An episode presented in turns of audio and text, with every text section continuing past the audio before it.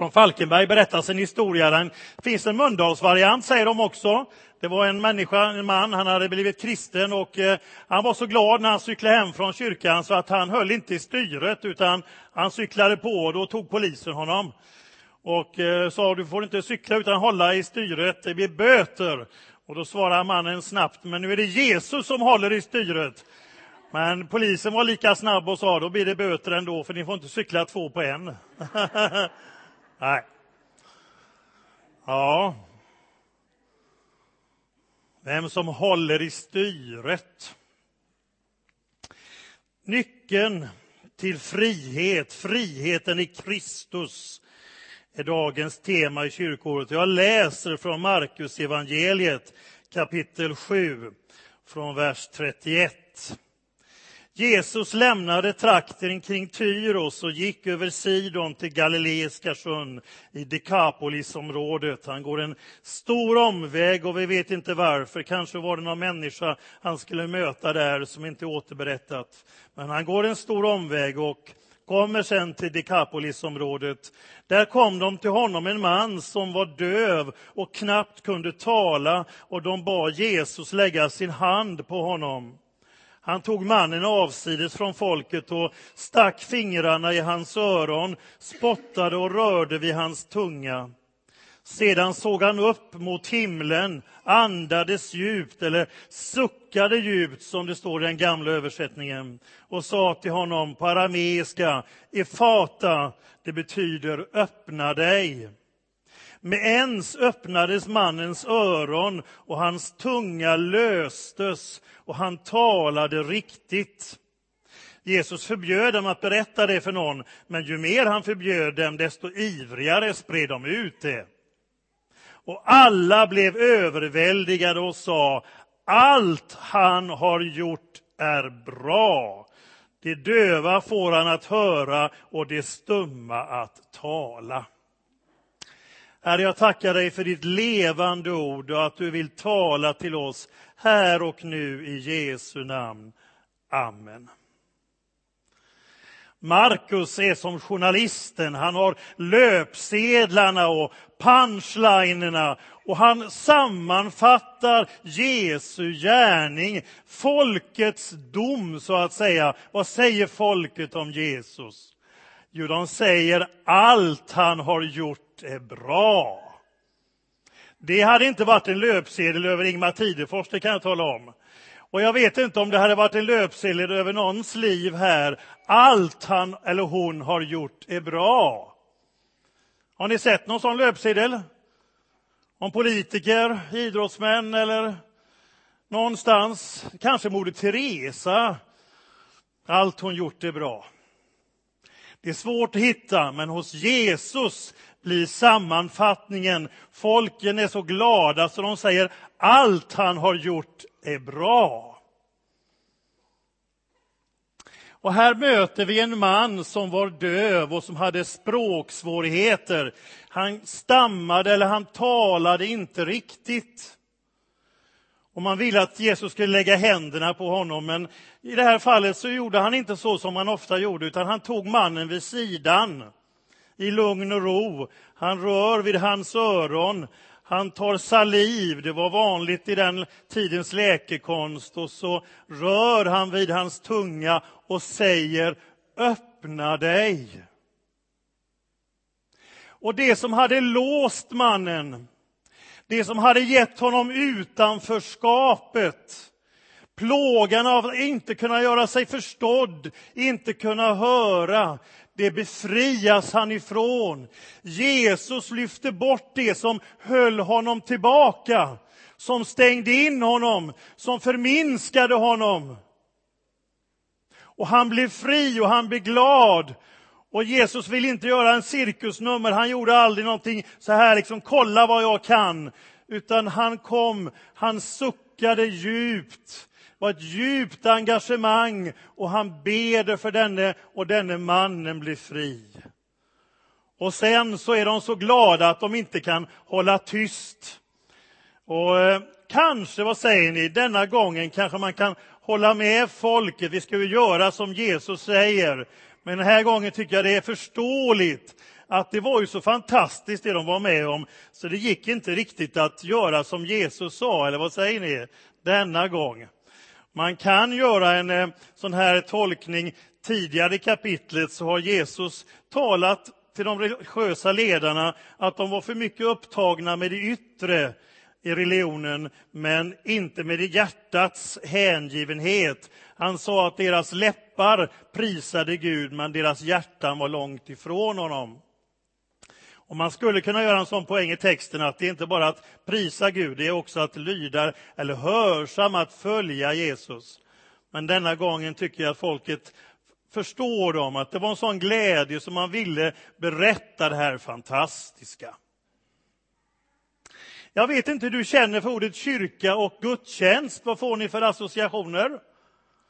Vilket ord kommer till er? Får ni några ord? Är det någon som tänker frihet? När man säger gudstjänst och kyrka, är det någon som tänker frihet? Nej, det kanske inte är det som svensken direkt förknippar med kyrka och gudstjänst. Och varför vet jag egentligen inte. För Jesus, hans budskap var frihetens budskap. Att människan får komma till sin rätt. Och det var glädjens budskap.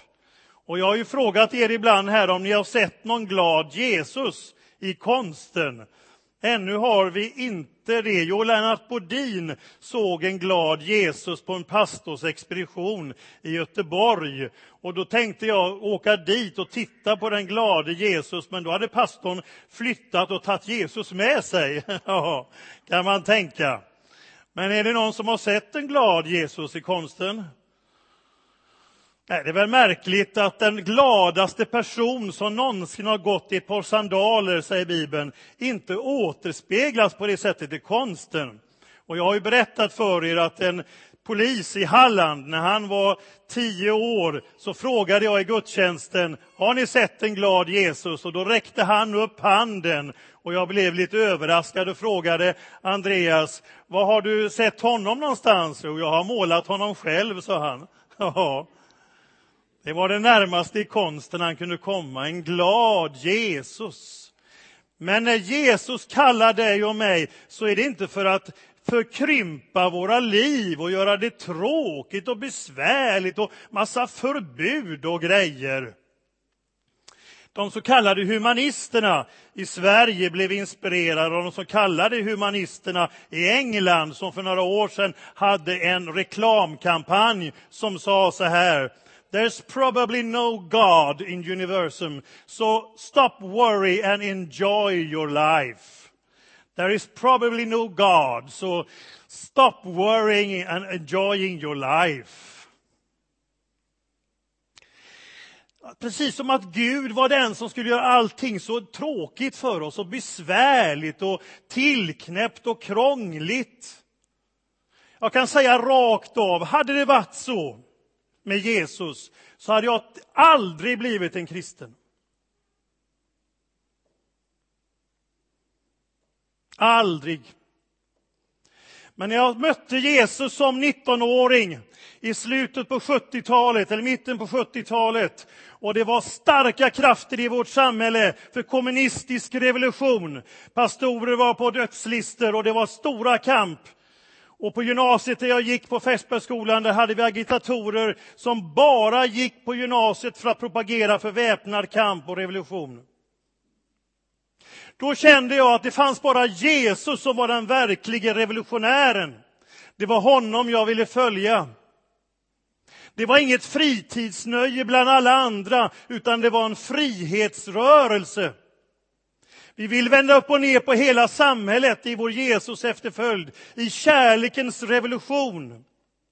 Och när vi firade 90-årsjubileum här i kyrkan i våras så fanns det en, en, bild på vår ungdomskör och i ungdomsrummet satt en affisch. Kommer ni ihåg vad det stod på den?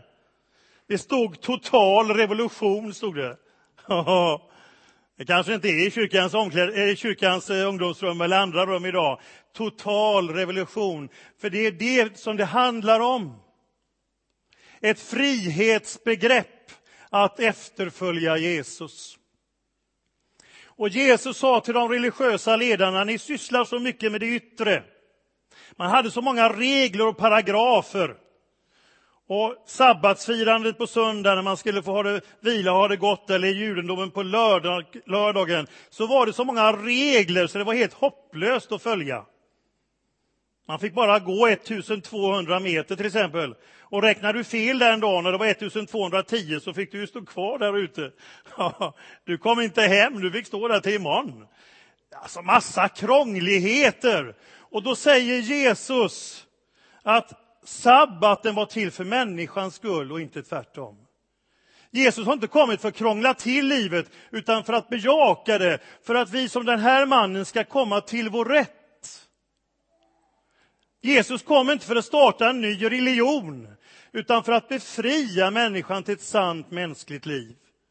Det är inte alltid kyrkan har fattat den galoppen. Det är inte alltid vi kan åskådliggöra det så som det är tänkt, men Jesus har tänkt så. Och i efterföljelsen av honom så växer friheten till ett sant mänskligt liv.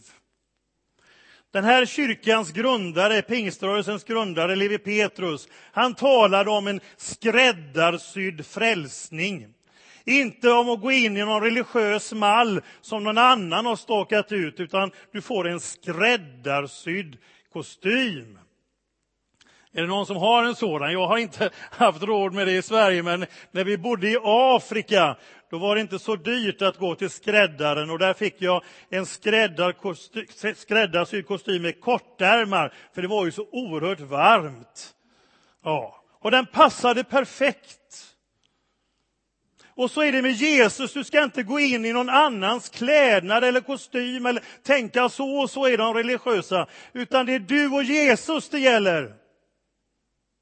Och han kallar dig till ett äkta och sant liv, att följa honom. Och ser vi ut i vår värld så växer den kristna kyrkan så det knakar. Och överallt i Afrika, i forna Östeuropa, i Asien, Latinamerika, Nordamerika så är det förknippat med frihet. Det är inte alltid så vi tänker i Sverige och vi kan ha historiska orsaker till det. Men där det växer i vår värld, där är det frihetsbegreppet. Vad hände i december 1989 i Timisoara i Rumänien, Lydia? Jo, man ville få stopp på den frispråkige predikanten Laslov Tors Tokic. Han ville man ha stopp på. Mannen som startade revolutionen i Rumänien var en pastor. Och hur gick det till när de första fria valen i Europa hölls i östblocket, i Polen? 1989. Bakgrunden till den här processen var ju solidaritet, kampen, ni vet, strejken på Leninvarvet i Gdansk, när arbetarna stängde in sig på varvet och krävde att få förhandla med myndigheterna i direktsänd tv. Och Lech Wałęsa blev deras ledare. Då jobbade jag på bandet på Volvo. Och där var det liv i luckan mellan facklig opposition och alla olika kommunistiska fraktioner. Stora debatter. Och då sa de som hade varit på komsomolläger i Ryssland, i Sovjetunionen 79 och på allvar sa, fullt på allvar, att Sovjetunionen var paradiset. De hade aldrig varit någon bättre stans. Och så såg de de här demonstrationerna i Gdansk och de sa, det är riktiga arbetare, kolla vilka revolutionärer. Och sen plötsligt så kallade Lech Wałęsa in prästerskapet för att fira nattvard. Då satte de i halsen, rödgardisterna blev alldeles tyst. Man hade inte förväntat sig att det fanns en koppling mellan tro och politik och ett engagemang för hela människan. Och så var det i Sydafrika också, avskaffandet av apartheid. Där gick ju kyrkan i bräschen med Desmond Tutu och många andra. Och man sjöng om frihetssången och inget kunde stoppa. Har ni sett filmen Selma? Som nyligen här i våras hade premiär. Har ni sett om Martin Luther Kings liv? Någon som har sett filmen? Ja, det är några. Den kan rekommenderas. där medborgarrättsrörelsen ledd av baptistpastorn Martin Luther King leder marschen i Alabama från Selma till huvudstaden där i Alabama, Montgomery, för att afroamerikanerna skulle få rätt att rösta. Och de som gick i spetsen var präster och pastorer. Och en blev dödad för sitt engagemang. Hur har det sett ut i Sverige? Bara kort. Ja, ordet för frälsning kommer för frihalsa i vårt samhälle. Och frihalsning, så beskrev man att bli en kristen. Och det var förut att fångarna sattes i fängelse med halskedjor, halsbojor. Och så när man blev fri blev man frihalsad. Så beskrev de kristna vad det betydde att vara en kristen här i 1800-talet. Man blev frihalsad. Och tänkte ni på vad vi sjöng här innan? Frihet från bojornas tvång. Nu är jag nöjd och glad, nu kan jag andas ut. Nu har jag gemenskap med min fader, min träldomstid är slut. Det var ett stort frihetsengagemang. Och när arbetarrörelsen växte fram, man kan rösta på vilket parti som helst, så det här är ingen inlaga på något sätt i politik, bara intressant att se när den första och mest landsomfattande strejken i Sverige 1879, den så kallade Sundsvallstrejken, då 5 000 sågverksarbetare marscherade. För man vill ha högre lön, man vill ha arbetstidsförkortning och möjlighet att få bilda fackförening. Detta fick man. Daglönen höjdes från 1,25 till 1,50. Ja, så var en daglön på den tiden. Arbetstidsförkortningen innebar på lördagar att de slapp att jobba till klockan åtta på lördagskvällen, utan det räckte till klockan sex. Och så fick de ha fackförening. Och vem ledde detta?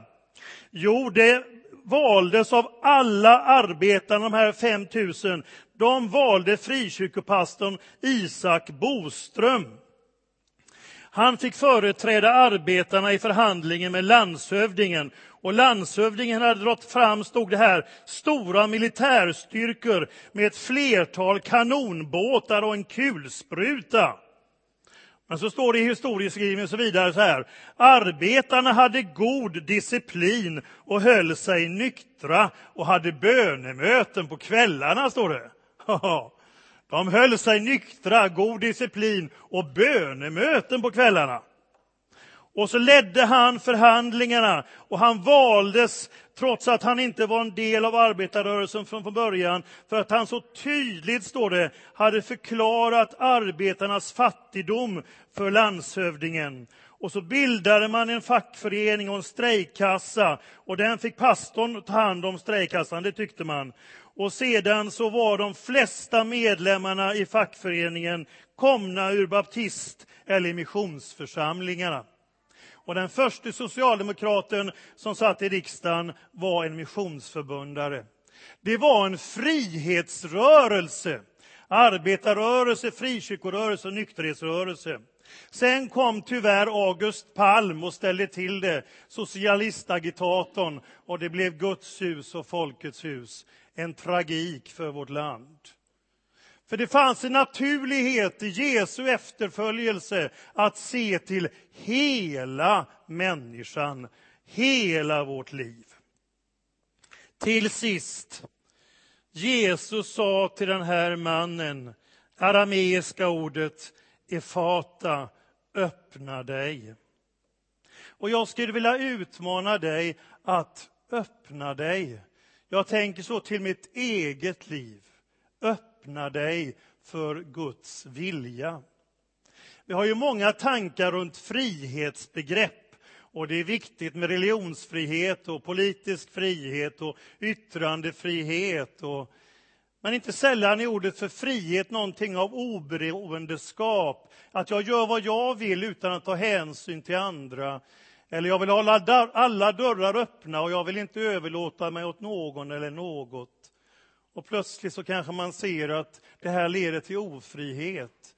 Det befrämjar inte gemenskap och liv och trygghet och mening. Men Jesus säger öppna dig. Att vägen till frihet är att bejaka Jesus i sitt liv. Att säga ja till Guds vilja. Det blir inte en religiös tvångströja utan det blir vägen till frihet, till ett sant mänskligt liv. Amen. Gud, jag tackar dig för ditt ord och din kallelse till oss. Tack för friheten i dig. Herre, vi kan ha haft vrångbilder och alla möjliga tankar med oss, men hos dig finns frihet och glädje, välsignelse och liv i övernog. Jag tackar dig i Jesu namn.